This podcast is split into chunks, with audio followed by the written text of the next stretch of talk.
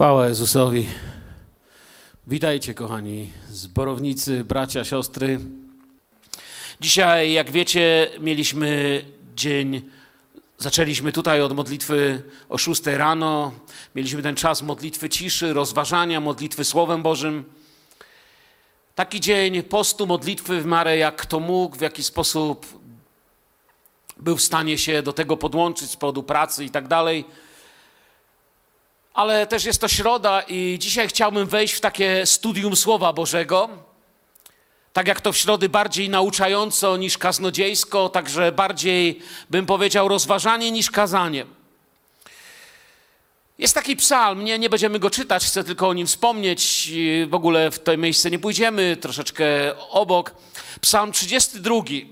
Mówił o poszukiwaniu łaski. Mówił o tym, że człowiek, któremu wybaczono grzechy, to jest naprawdę szczęśliwy człowiek. Mówił o wybaczeniu, o pokucie, mówił o trudnym życiu w grzechu. To tam były użyte te takie mocne słowa odnośnie grzechu, że, y, że w tym stanie od, od, oddzielenia od Boga, to tam psalmista mówił, a schną kości. Pisał o tym, jak szczęśliwy jest człowiek, któremu odpuszczono grzech. I ja chcę przejść do psalmu jeden dalej, do 33 psalmu, bo tutaj już poznanie wzrasta. Tutaj szczęście to nie tylko to, że odpuszczone ma grzechy, to, to było w tamtym psalmie, ale jakby, jakby tutaj gdzieś jeszcze wyżej ta radość z powodu spotkania Boga sięga i tutaj szczęściem jest to, że znam Jezusa, że znam Pana Jezusa, wiadomo, mówię z naszego punktu widzenia, z punktu widzenia psalmisty Starego Testamentu, że znam Jahwe. Psalm 33 Dzisiaj będzie trochę o muzyce. To jest niesamowite, że ktoś, kto się w ogóle nie zna na muzyce, może mówić o muzyce, a fachowcy, co się znają, słuchają. To jest niezłe, nie? Psalm 33 był śpiewany jako pieśń po przejściu jakichś doświadczeń w Izraelu. Śpiewali go wtedy, gdy Bóg uczynił cud w ich życiu. Przez uzdrowionych, wyratowanych, ocalonych. Jest to taka prawdziwa pieśń zbawienia, inaczej mówiąc, jest to po prostu modlitwa. Czytając go świadomie, modlimy się Słowem Bożym. Jest to psalm, który mówi o radości i wyjaśnia, dlaczego jest ta radość. To nie jest, wiecie, taka e, tralalala radość. Radość, no nie wiem, no jakaś radość. On mówi o sensownej radości, radości, która ma rację.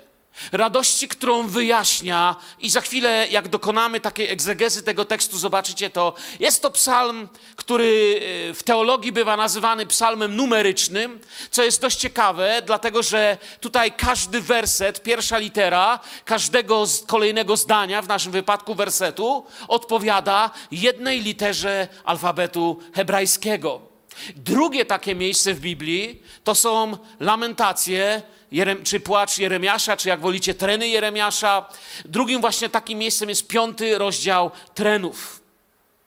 Kiedy to zauważyłem, czy przeczytałem o tym, poszedłem do trenów, chciałem zobaczyć, jak zbudowany jest tamten rozdział i coś mnie bardzo poruszyło. Nie będziemy z niego też czytać, a jedynie dwa fragmenty będę chciał zaraz pokazać, ale wstrząsający jest też ten kontrast pomiędzy początkiem i końcem tych dwóch tekstów. Jeden i drugi numeryczny, jeden i drugi oparty na alfabecie hebrajskim i, i jaki jest kontrast tego, o czym mówi, tego, co się dzieje w sercu tego, który y, stoi za tym tekstem. Wiemy, że jest to tekst Słowa Bożego, natchniony Duchem Świętym, ale też, jak powiedziałem, nie jest to psalm o jakiejś tam radości, ale tej, która ma rację, o której mówi Bóg i podobnie lamentacje czy treny są tekstem prawdziwej rozpaczy. Dlatego, że psalmista, zacznę trochę od końca, kończy takimi słowami, psalm 33, 22 werset, kończy takimi słowami, niech spocznie na nas łaska Twoja, Panie, ponieważ w Tobie mamy nadzieję. Chciałbym, żebyście pomimo wysokiej temperatury, zmęczenia pracą, robotą, usłyszeli coś niezwykłego. Niech spocznie Twoja łaska, w Tobie mamy nadzieję. Rozpoczynający lamentując, wiecie, rozpoczyna, rozpoczynający ten, ten lamentujący prorok Widzę go, jak klęczy. y, Wyobrażam go sobie, jak w pyle, gruzie, y, po wszystkim strasznym, co się narodowi Bożemu stało.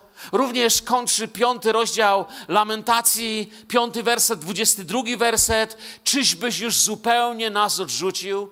Czy tak bardzo się na nas gniewasz? Widzicie różnicę między tym? Tu jest nadzieja, w Tobie mamy nadzieję. Czy już nas odrzuciłeś? Dwa, dwie postawy ludzi. Różni je nie to, że tutaj nie ma grzechu, a tu jest, ale różni je to, że tutaj było nieposłuszeństwo słowu, niewyznany grzech, czekanie, lekceważenie, a tam grzech został wyznany, a relacja z Bogiem została odrodzona. A jak wiemy, prorok również zachęcał i mówił do ludzi, którzy przychodzą do Boga i nieraz się z tym spotkałem, mówią, wiesz, tyle zmarnowałem, nie wiem, czy jest szansa. Mnie się tak podoba to prorocze słowo, że ja przywrócę wam plony lat, które pożarła szarańcza. Jakby Bóg posyłał nas tymi dwoma tekstami, dwoma różnymi drogami, choć wybór należy do nas. Początek tej pieśni rozpaczy, znowu wracam do lamentacji. Piąty rozdział, pierwszy werset brzmi: Wspomnij, panie, na to, co się z nami stało.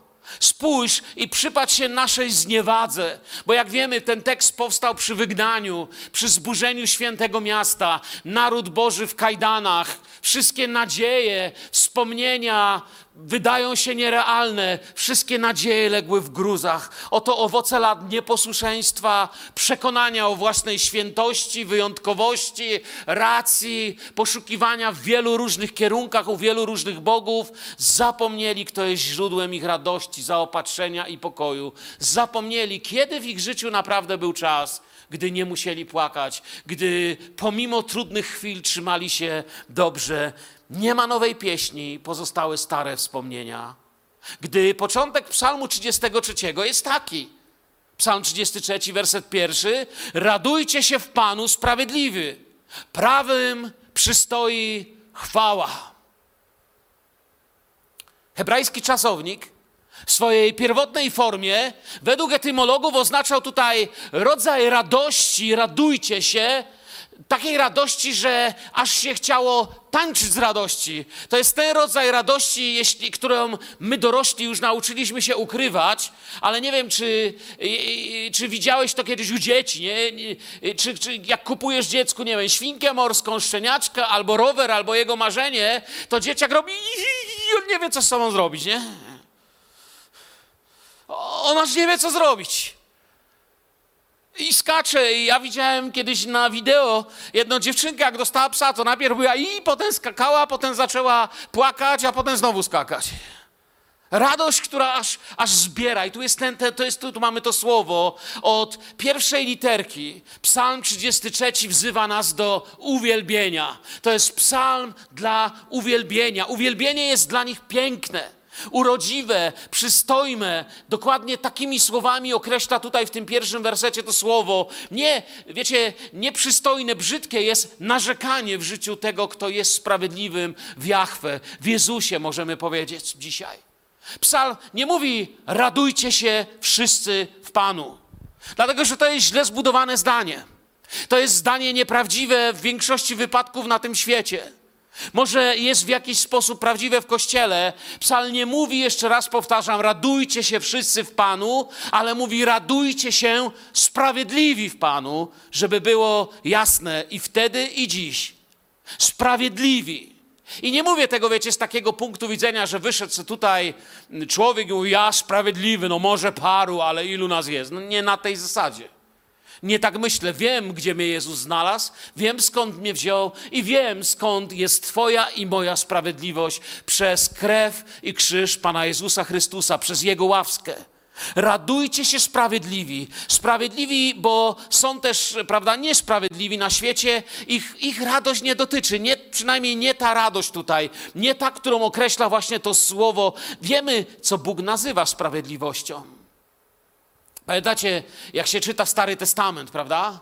Wtedy uwierzył Panu, nawet nie musimy tego czytać, większość znana na pamięć, a on poczytał mu to ku usprawiedliwieniu, czy uwierzył Abraham Bogu, a Bóg mu to uznał za sprawiedliwość. Słowa psalmisty dotyczą tu, jeśli chodzi o język hebrajski, dosłownie sprawiedliwych i prawych. Sprawiedliwość łączy się z wiarą. Uwierzył, Bóg mu poczytuje za sprawiedliwość. To jest to, co czyni człowieka sprawiedliwym. Wiara w dzieło Jezusa. Nie zapisanie się gdzieś, nie wstąpienie, zapłacenie czegoś, ale wiara przez wiarę w Jezusa, przez wiarę w dzieło Boże. Natomiast prawość, bo to są sprawiedliwi i prawi się mają radować, prawość nie jest tyle powiązana z wiarą, co jest powiązana z posłuszeństwem. Sprawiedliwość się łączy z wiarą, prawość się łączy z posłuszeństwem. Prawość to być posłusznym. Za, później do tego jeszcze wrócę. Te dwie postawy wobec Boga sprawiają, że uwielbienie jest przystojne, godne, ładnie wygląda. Pasuje wam to ludzie, bo jesteście tym, kto powinien być uwielbieniu. Tomasz Zakwinu napisał takie słowa: Jakąś rzecz nazywa się prawą nie inaczej, jak tylko dzięki temu, że dostosowuje się do reguły i miary. Coś jest prawe, jeśli jest dostosowane reguły i miary. Naszą regułą, może to słowo takie trochę już archaiczne dzisiaj, dawne, naszą miarą jest Jezus. Naszą miarą jest to, co podaje Słowo Boże. I to czyni moją prawość przez wiarę. Sprawiedliwość i prawość przychodzą przez spotkanie z Jezusem. Dlatego i przez bycie uczniem Jezusa. Dlatego słowo nie wzywa radujcie się wszyscy, ale radujcie się kiedy? Zawsze. Nieustannie, dokładnie, zawsze. Bo przeznaczeni do radości to są uwarunkowani. To jest warunkowe. Do radości nie jest przeznaczony każdy, to, kto chce, przynajmniej do tej Bożej radości w Duchu Świętym, o której mówi ten psalm. Bez wiary, bez prawości to jest pusta liturgia. Oczywiście wiecie, można skakać, podnosić ręce. Ale jeszcze raz powiem, przeznaczeni do radości są uwarunkowani przyjęciem tego, z czym przychodzi dobra nowina, z czym przychodzi Ewangelia, z czym przychodzi Bóg. To nas czyni. Przyjąłem, uwierzyłem, spełniam warunki do radości, uczę się postępować według Jego słowa, żyję w bojaźni Bożej i owoce mojego życia i to, co się wokół mnie dzieje, sprawia, że radość jest rzeczywista. Kiedyś niedawno ostatnio komuś powiedziałem, że można małpę nauczyć podnosić ręce i skakać. Widziałem w zoo małpa podnosi ręce i skacze. Ale nikt z nas, ani fachowcy, ani niefachowcy, nie nazwą tego uwielbienie. Można się czegoś nauczyć. Jeśli się czegoś może zwierzę nauczyć, to na pewno się tego może człowiek nauczyć. Ale tutaj ten psalm, jak w miarę przez niego pójdziemy, zobaczymy, oko Boże sięga głębiej. Ludzie sprawiedliwi, czyli wierzący w Boga, nie, nie, nie, nie. Ludzie sprawiedliwi, czyli wierzący Bogu, ludzie prawi, czyli dla których miarą prawdy jest Chrystus, mogą się cieszyć zawsze. Bóg mówi: Ja wiem, co widzicie wokoło, ale powiadam wam, radujcie się nieustannie, zawsze się radujcie. Macie ode mnie takie prawo. Nie mogą brać udziału w tego typu, ja mówię o prawdziwym uwielbieniu przed Bogiem, ludzie, którzy nie przyjmują Bożej prawdy i woli. Tego typu ludzie cieszą się nie zawsze, cieszą się tylko, jeżeli jest tak, jak chcą, i raczej y, cieszą się mm, na zasadzie odpowiedzi niż spotkania. Naszą radością jest spotkanie. Nawet trudny dzień, dlatego potrafię zachować w sobie nadzieję i potrafię nosić w sobie ten rodzaj radości, że świat czasami pyta, jak to jest, że trzymacie się, że modlicie się, że nie ustępujecie się, że nie ustępujecie. Radujcie się w Panu, bo radość w świecie, podkreślam w Panu, bo radość w świecie i z Nim nie dotyczy ludzi, o których tu jest mowa. Mówimy o radości w Duchu Świętym, radości w Panu. Oni mogą przyjść do kościoła. Człowiek świecki ma prawo przyjść. Kościół jest otwarty. Ja się cieszę zawsze, kiedy widzę człowieka ze świata. Nieważne, czy jest związany wielkimi czy małymi grzechami. Zawsze się cieszę, może przyjść, ale udział w pieśni uwielbienia w ich życiu jest tylko kłamstwem, dopóki nie ma pokuty. Dopóki nie ma wyznania grzechów, dopóki nie ma pełni, dopóki nie dzieje się to, co się ma dziać, dopóki nie jest, wiecie, w języku operatorów telefonicznych powiedziałbym, dopóki nie jest połączony online, dopóki to nie jest świeże. Bo może to być coś starego, coś z kiedyś. Bo nie da się znieważać Boga cały dzień. Całym życiem, cały dzień, całą noc, cały dzień, całą noc, cały tydzień, a potem na dwie godziny nagle stać się świątynią, która tryska radością i uwielbieniem. I dalej pisze: Dziękujcie Panu na cytrze, grajcie mu na dziesięciostrunnej harfie, śpiewajcie mu pieśń nową, grajcie pięknie z okrzykiem radosnym. Wiemy, że muzyka wzbudza uczucia i emocje. To już wiedzieli w średniowieczu, to wiedzieli we wczesnym kościele, który naprawdę, gdybyście poczytali o ich doświadczeniach muzycznych, był bardzo ostrożny, bardzo skromny. To już wiedzieli w Starym Testamencie. Ale tutaj chodzi o coś, co kieruje nas na właściwy tor. O emocje, uczucia, które kierują nas ku Bogu, kierują nas na Ducha Świętego, kierują nas ku modlitwie wspólnotowej, o coś głębszego. Pamiętamy y, w tym, w tym na przykład złym przypadku, gdzie to było mocno widać, jak Saulowi pomagało, kiedy Dawid grał. Coś się w nim robiło. Ale, ale Bóg ma dla nas coś dużo więcej niż to, tylko żeby się w nas coś robiło, bo, bo łatwiej będzie żyć w naszym wypadku sprawia, że wszystko, co czuję, co myślę, czym się kieruję w dany moment, kieruję się do Boga, oddaję Bogu siebie, żebym stawał się świątynią pełną Jego chwały. Jeden z ojców kościoła, Dior Starsu, mawiał, że termin grać i śpiewać pięknie oznacza grać i śpiewać ze zrozumieniem. Tak nauczał. Trzeba rozumieć słowa, rozumieć miejsce i to, kim jestem i do kogo mówię, ze zrozumieniem. Jeszcze raz wracam do Tomasza Zakwinu. Ostatnio widzicie, widać, co czytam, nie? Cytuję i przeczytam wam oryginalnie, bez uwspółcześniania, tak jak to jest przetłumaczone troszkę język archaiczny. Cytra ma dźwięki z niskiego tonu i oznacza chwalbę, która wyłania się z rzeczy niskich, to jest ziemskich. Psał też Natomiast ma dźwięk z wysokiego tonu i oznacza chwalbę, która jest o dobrach niebieskich. Podoba mi się, wiecie, tekst jest długi i nie mogę, nie chcę was tu tym zanudzać, ale podoba mi się ich odkrycie, że prawdziwe uwielbienie jest tym połączeniem, jest kierowaniem się na Boga. Te dwa instrumenty zestrojone i wspólnie brzmiące są też w nauczaniu Kościoła, są obrazem relacji ludu Bożego i Jahwe. Nie jest nas ta harmonia. Jest takim samym darem jak wszystko. Mówię o tej duchowej harmonii. By zestroić orkiestrę, do tego nie jest potrzebne nawrócenie.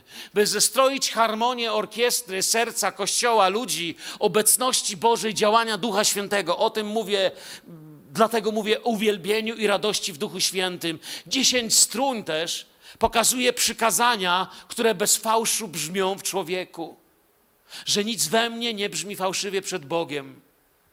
Człowiek właściwie, można by rzec, składa się z trzech strun, które muszą być ze sobą zestrojone, ale te stroiki nie tak łatwo się stroi. Czy tymi stroikami nie tak łatwo się stroi? Dlatego, że człowiek przed Bogiem składa się z takich dźwięków, co mówię, co myślę i co robię. Jeżeli co innego myślę, co innego mówię i co innego jeszcze robię, to jestem fałszywy. Brzmię fałszywie przed Bogiem. I tutaj dziesięciostrunna harfa, zauważyłem, że w wielu dziełach egzegetycznych odnosi się do przykazań brzmiących w naszym życiu bez fałszu. Czasami stroimy osiem albo dziewięć strun, ale jakaś nam nie pasuje. Najlepiej byśmy ją z życia zabrali. Czasami skupiamy się na, w egoizmie na odwrót, na jednej strunie i tylko tą jedną piłujemy, bo nam bardzo pasuje. Bo tu jesteśmy dobrzy. Ale każda prawdziwa pieśń, modlitwa i uwielbienie zawiera w sobie tą prawdę, którą pokazuje objawienie Jana. Koniec wszelkiego uwielbienia, cel jego, tego, tego miejsca. I zaśpiewali nową pieśń tej treści. Godzien jesteś wziąć księgę i zdjąć z jej pieczęcie, ponieważ zostałeś zabity, odkupiłeś dla Boga krwią swoją ludzi z każdego plemienia i języka i ludu i narodu. Wszystkie nasze nabożeństwa są próbą na ten dzień. Wszystkie nabożeństwa są testem na ten dzień. Wszystkie nasze nabożeństwa Duch Święty porusza się i mówi: wyznaj grzech, raduj się we mnie, zostaw to, co cię zabija, chodź do tego, który jest źródłem życia, bądź przy mnie, jestem dla ciebie, jestem twój. I dalej psalmista pisze, bo słowo Pana. Dlaczego warto się radować? Jaki jest powód? I tu jest ta racja. Racja tej radości, tego uwielbienia, bo słowo Pana jest prawe, a wszystkie dzieła Jego dokonane są w wierności. On miłuje sprawiedliwość i prawo. Pełna jest ziemia łaski Pana. Aby to uwielbienie nie było puste, psalm poucza nas, na czym dokładnie się opiera. Na czym dokładnie opiera się ta relacja z Bogiem? To, co czerpiemy, czym jesteśmy podłączeni, jak byśmy ponazywali te cztery kable, mogę jeszcze powiedzieć. Po pierwsze, Słowo Boże. Po drugie, działanie wiernie obietnicom przez Boga. Sprawiedliwość i prawość we wszystkim, co wobec nas czyni Bóg. I po czwarte i najważniejsze, bez tego wszystkie te trzy nie działałyby jak trzeba, to jest łaska. Przyglądnijcie się temu tekstowi. Czwarty, piąty werset. To są te cztery rzeczy. Słowo Boże jest tu nazwane prawym. Dosłownie mamy tu słowo jaszar hebrajskie, czyli słowo proste, właściwe, pasujące, sprawiedliwe. Takie jest Słowo Boże. Najlepiej wyjaśnia to Izajasz, kiedy mówił, że ja jestem Pan, który mówi prawdę, zwiastuje to, co słuszne. Tak w Starym Testamencie, nie pamiętam, który to był rozdział, który werset. Mówi prorok, chyba 45. We wszystkim jest tu dla nas łaska. Bez niej wszystkie objawy świętości, słowa, obietnic, sprawiedliwości i tak są nieosiągalne. I werset piąty to dla nas dalsze objawienie ku radości. Pan miłuje sprawiedliwość i prawo. Czy, czyli co Pan miłuje? Trochę już mówiłem, czym jest sprawiedliwość i prawo. Pan ma uczucie wobec spraw, które są dla nas dobre i zbawiają. Sprawiedliwość to to, co On wobec nas czyni i odpowiedź naszej wiary na to, tak? To już powiedzieliśmy. Prawo bardziej łączy się z naszą decyzją, tak? Bóg ma rację według tego i Bóg mówi: Podoba mi się to. Usuwając sprawiedliwość, usuń sprawiedliwość ze świata, z rodziny, z domu, z życia tak ten świat robi. Usuwając sprawiedliwość, mamy świat, w którym nikt nie będzie się cieszył. Usuwając prawo, mamy świat, w którym nic nie jest pewne, a słowa nic nie znaczą. Ponieważ bez prawa świat jest światem kłamstwa, oszustwa, jest bardziej sidłami niż życiem. Usuwając łaskę, nic nie da się zmienić. Bez sprawiedliwości nie da się żyć. Bez prawa nie wiesz, gdzie uciec bez łaski nigdy nie możesz tego zmienić. Lecz gdy przychodzi łaska, sprawiedliwość i prawo, Bóg mówi: raduj się i śpiewaj. Zaczynasz prawdziwie rozumieć, czym jest uwielbienie. Pełna jest ziemia łaski Pana. Ludzie grzebią gdzieś na ziemi za diamentami ryją za złotem. Czytałem, że teraz będą robić największy odwiert w historii ludzkości. Tak głęboko, jak jeszcze nikt głęboko nie sięgał. Podobno tam są złoża diamentów, czegoś, czegoś, czegoś. Ludzie poszukują tego, czego jest mało. Grzebią, bo ciągle nie mogą siebie zaspokoić i być szczęśliwi. A Bóg mówi, jest coś, czego na ziemi jest pełno. Ziemia jest pełna mojej łaski. I jesteście w dniach, kiedy na każdym miejscu, dziś i tu teraz, czy mnie słuchasz dzisiaj online, czy przyszedłeś na to miejsce, aby tu być, dziś i teraz, jeśli coś w moim czy Twoim życiu jest nie tak, mogę przyjść i znaleźć to, co Bóg nie ukrywa, to, co nie schował, to, co nie powiedział, że nie wiadomo gdzie jest. Mogę znaleźć łaskę, jest pełna Jego, tej łaski cała ziemia, ona jest w Jezusie Chrystusie. Przyjdź do mnie. Ludzie poszukują tego, co głęboko dla swego szczęścia. Bóg mówi, łaski jest pełno, to jej czas. Przyjdą dni, że nie będzie się jej dało kupić, będzie droższa niż diamenty i złoto, po które ryją i kopią. Nie wiem, czy kiedyś wam to powiedziałem, czy nie. Lata temu, z pięć lat temu chyba, czy siedem, już nie pamiętam, na tarasie naszego domu położyliśmy się na ławkach, był upalny wakacyjny wieczór i patrzyliśmy jeszcze wszystkie nasze dzieci były w domu i patrzyliśmy z całą czwórką w gwiazdy w niebo. I nagle tak mnie wtedy olśniło. trochę czytałem o, o gwiazdach, planetach i tak dalej. I tak mnie olśniło, że tam jest pełno diamentów, pełno złota, platyny, najdroższych rzeczy. I mówię, wiecie co? Patrzycie na skarby, o których ta ziemia nie śniła, a nasz Ojciec w niebie to wszystko ma w swoim ręku. Tam wszystko jest. Mówią, że są planety składające się z diamentu. Są planety, gdzie złoto to jest po prostu grunt. Tam to wszystko leży. Tyle tylko, że człowiek w swojej małości nie może tego dosięgnąć i poszukuje nie wiadomo czego.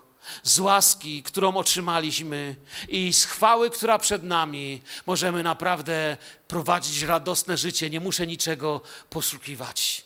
To na tym się opierało zrozumienie radości w uwielbieniu we wczesnym kościele, bo nie ma nowej pieśni bez odnowienia przez łaskę, bo szósty werset, słowem Pana uczynione zostały niebiosa, a tchnieniem ust Jego całe wojsko ich zbiera jakby wstągwi wody morskie, gromadzi w zbiornikach głębiny oceanów. Bóg nie jest tylko kimś, kto, kto, kto działa jedynie przez słowo, i koniec. Gdzieś tam daleko dał słowo, zostawił, poszedł sobie. On działa na swoim terenie. On to wszystko stworzył. On jest najlepszym serwisantem, bo on był producentem. Najlepiej serwisuje samochód firma, która go produkuje. Najlepiej serwisuje duszę ludzką ten, który ją powołał, by się urodziła. Jak niedbale i lekko nauka czy filozofia potraktowały Boga w dziejach w naszej historii. Dzisiejsi uczeni zachowują się jak zachwyceni obrazami ludzie, którzy przyszli na wernisaż i mówią: Te obrazy są przepiękne i wskazują na planety, krajobrazy, góry, rzeki, lasy. Ale zachowują się jak ludzie, którzy przyszli na wernisaż, z którego postanowili wyrzucić autora wernisażu. Malarza, który je namalował. Malarzowi już dziękujemy, spadaj. Ale obrazy, zobaczcie, ciekawe jak powstały. Niech się boi Pana cała ziemia. Niech drżą przed Nim wszyscy, mówi ósmy werset, mieszkańcy świata. Następna cecha w uwielbieniu to jest bojaźń.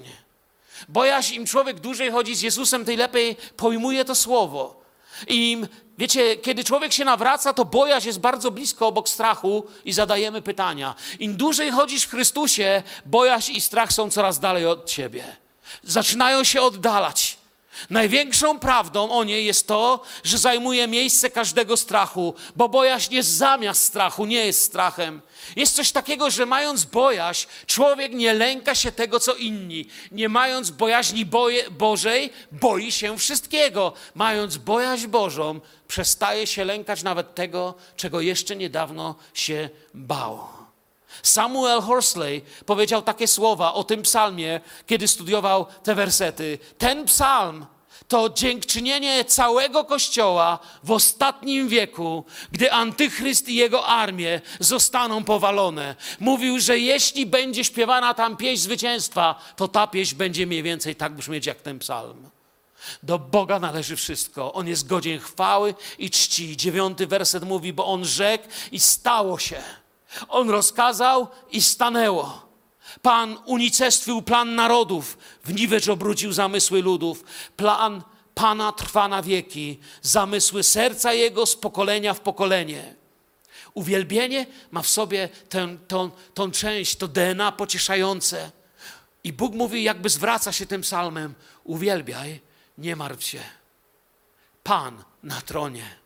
Jachwę na tronie. Uwielbiaj, nie martw się, nic w tym czasie. Nikt cię w czasie uwielbienia nie okradnie. Z moich rzeczy nikt cię nie okradnie w czasie uwielbienia.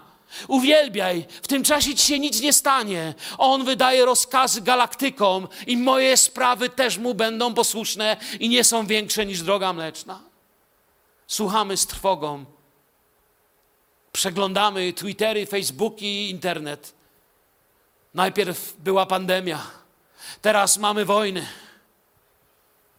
Nowe rzeczy, złe rzeczy zaczynają się dziać na świecie. A on mówi: Nie bój się. Nic nie jest za duże, a żaden naród, żadna sprawa, to jego plan na koniec się zrealizuje. On mówi: Słuchaj, mój plan już się zrealizował. Jednym z atrybutów Boga, niemożliwym do osiągnięcia przez człowieka, jest to, że Bóg nigdy niczego nie zaczyna, jeśli najpierw tego nie skończy.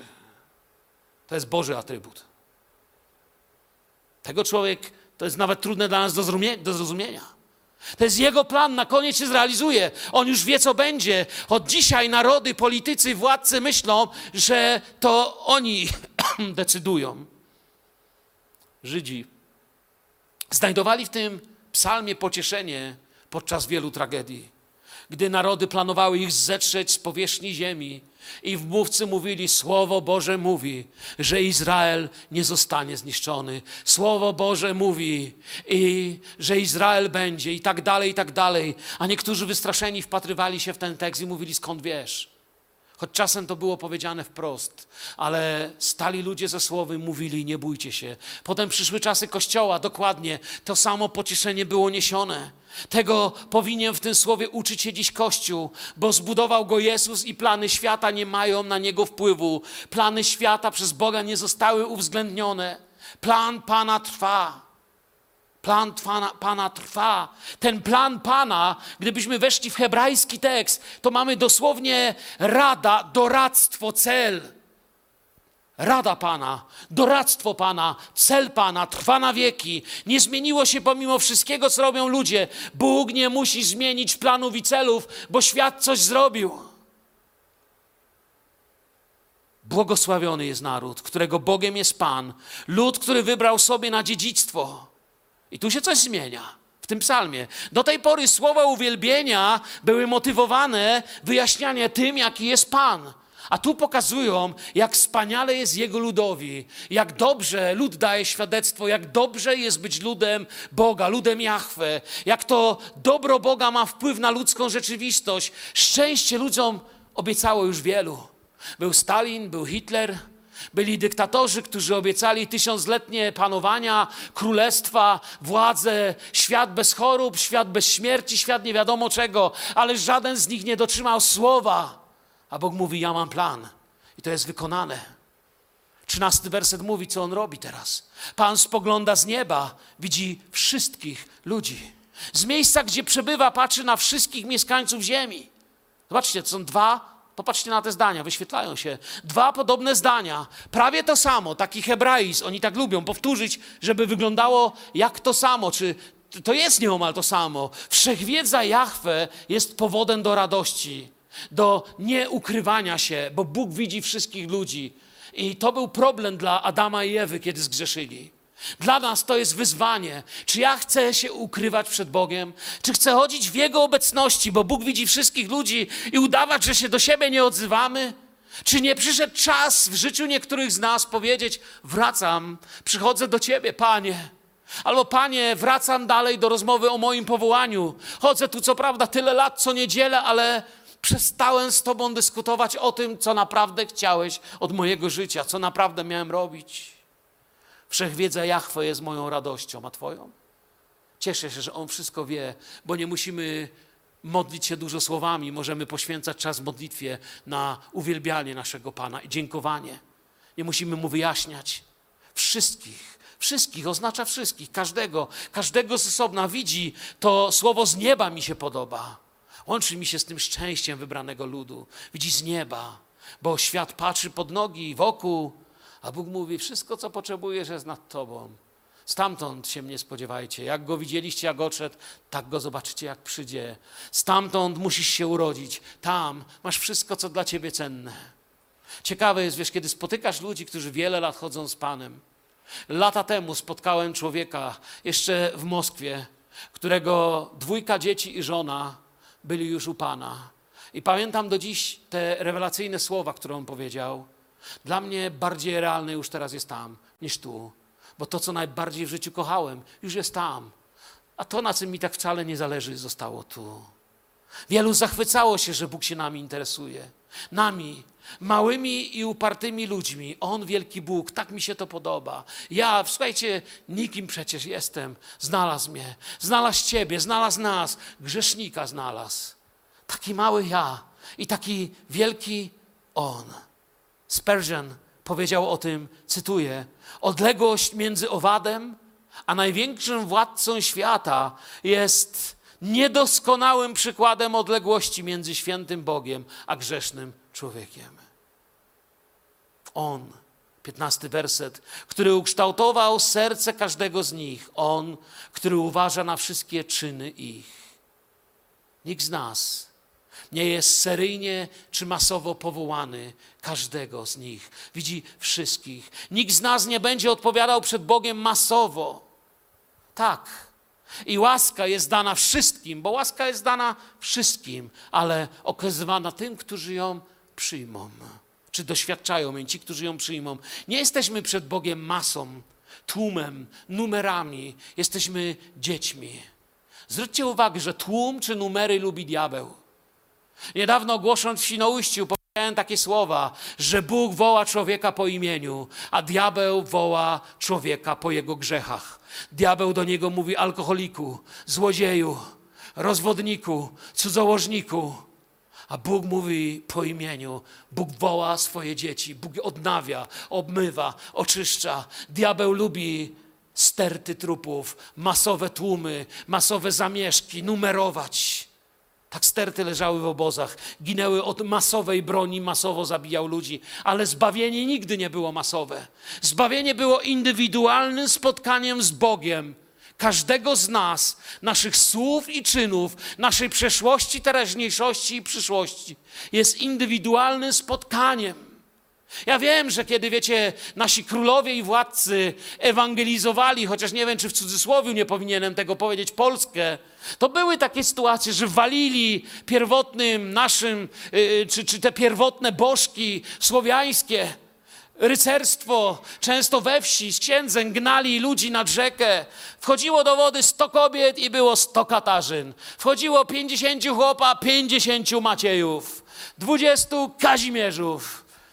I już była wieś chrześcijańska, ale nic się nie działo. To nie działa tłumnie. Bóg widzi każdego. I powoli zostało mi już parę minut. Jest jeszcze ważne przesłanie tego psalmu. Nielicznemu wojsku zawdzięcza król swe zwycięstwo. Nie swej wielkiej sile zawdzięcza wojownik ocalenie. Koń zawodzi, gdy chodzi o zwycięstwo, a wielka jego siła nie zapewni człowiekowi ocalenia. Bóg Jahwe mówi: Ja jestem Twoim źródłem ratunku i wolności.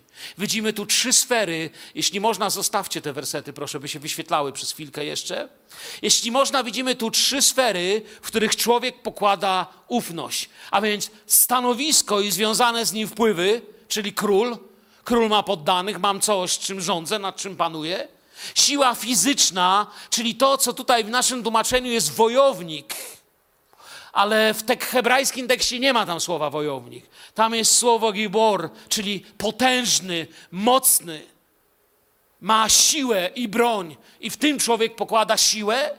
No i finanse, czyli to, co mam. Koń wtedy był statusem, wiecie. Konia to nie byle kto miał. Jeżeli szedłeś z koniem, to albo byłeś sługą, który go prowadził panu, i wtedy to było widać, albo jechałeś na nim i każdy cię miał za bogacza król, silna armia, wyszkolone wojsko, konie. To było źródło i jest źródło bezpieczeństwa tamtych i tych dni, choć konie się zmieniły w inne maszyny. Ale Jachwę mówi, to ja jestem. I przekonuje nas 18-19 wersetem. Oto oko Pana jest nad tymi, którzy się Go boją, nad tymi, którzy spodziewają się łaski Jego, aby ocalić od śmierci duszę ich i podczas głodu zachować przy życiu. Bojaźń i świadomość łaski. Jak często o tym myślimy. Oto opis codzienności takich ludzi. Gdy czekasz na ratunek, to chcesz, żeby cię było widać. Nie chcesz się schować. Gdy człowiek czeka na karę, świadomy swoich uczynków, to chce się ukryć. Ale kiedy czeka na ratunek, to chce się pokazać. I Bóg mówi: przyjdźcie do mnie, powiedzcie mi. On nie jest szybki, żeby karać. Jest szybki, by wybaczać, oczyszczać. Jego oko spogląda na ziemię. Psalmista opowiada o tym pięknie. Spodziewanie się łaski to jest Boża rada. I kończąc, zanim się będziemy modlić. Dusza nasza oczekuje Pana. On pomocą naszą i tarczą naszą. W nim bowiem raduje się serce nasze, bo zaufaliśmy Jego świętego, świętemu imieniu. Niech spocznie na nas łaska Twoja, Panie, ponieważ w Tobie mamy nadzieję. Tu pod koniec, dwudziesty werset, jest postanowienie. Bo skoro naprawdę w coś wierzę, to, to musi być działanie z mojej strony. I też tutaj w tym fragmencie na koniec zwróćcie uwagę, 22 werset. 20 to postanowienie, a 22 to prośba. Jedyna prośba w całej tej modlitwie. Poza 22, który jest prośbą, wersetem, to jest pieśń chwały, uwielbienia i poznania w tym Pana. Wzywa, by uwielbić. Mówi, dlaczego? Ale nawet tu jest prośba. Wiecie, może nawet dwie. To widać w dosłownym przykładzie. Zobaczcie. Jachwę, niech Twoja łaska będzie nad nami, według tego, jak Ciebie oczekujemy. Panie, dwie rzeczy. Tak chcę doświadczać Twojej łaski, jak, jak Ciebie oczekuję. A jak Jego oczekuję? Według danej mi łaski do uwierzenia. Nawet to jest od Niego. On jest sprawcą i wykonawcą mojej wiary. Panie, bez Ciebie nie zajdę donikąd. Powstańmy do modlitwy. Ojcze, dziękujemy Ci za ten czas studium Słowa Bożego. Za to, że Twoje Słowo niesie odpowiedź dla nas. Za Panie, myśmy nie przyszli uwielbiać Cię tylko tutaj i robić pobożne miny. Chcemy wyjść z tego miejsca i kochać Cię. Kochać Cię, gdy zajdzie słońce i będzie ciemna noc. Kochać Cię, gdy wstanie świt i pójdziemy do pracy. Pojedziemy na wakacje, gdziekolwiek jesteśmy. Panie, czy jestem tu, czy teraz słucham z wakacji, czy mieszkam teraz w namiocie nad jeziorem, czy jutro muszę iść do pracy. Chcę się Tobie podobać, Ciebie kochać i za Tobą chodzić, mój Zbawicielu. Panie, chcę rezygnować z tego, z planów, które podpowiada mi świat. Chcę rezygnować z tego, co się Tobie nie podoba. I taką radością napełniłeś dziś, Ojcze, moje serce, że Ty wszystko widzisz i nic przed Tobą nie jest zasłonięte. Że w prostocie dziecka możemy teraz przyjść przed Ciebie i powiedzieć: Panie, oto jestem. Sam widzisz, co i czym jestem. Dotknij się teraz, Panie, tych, którzy tutaj lub tam gdzieś po drugiej stronie kabla proszą o Twoją bliskość, obecność, ratunek i dotknięcie Twojej dłoni. Amen.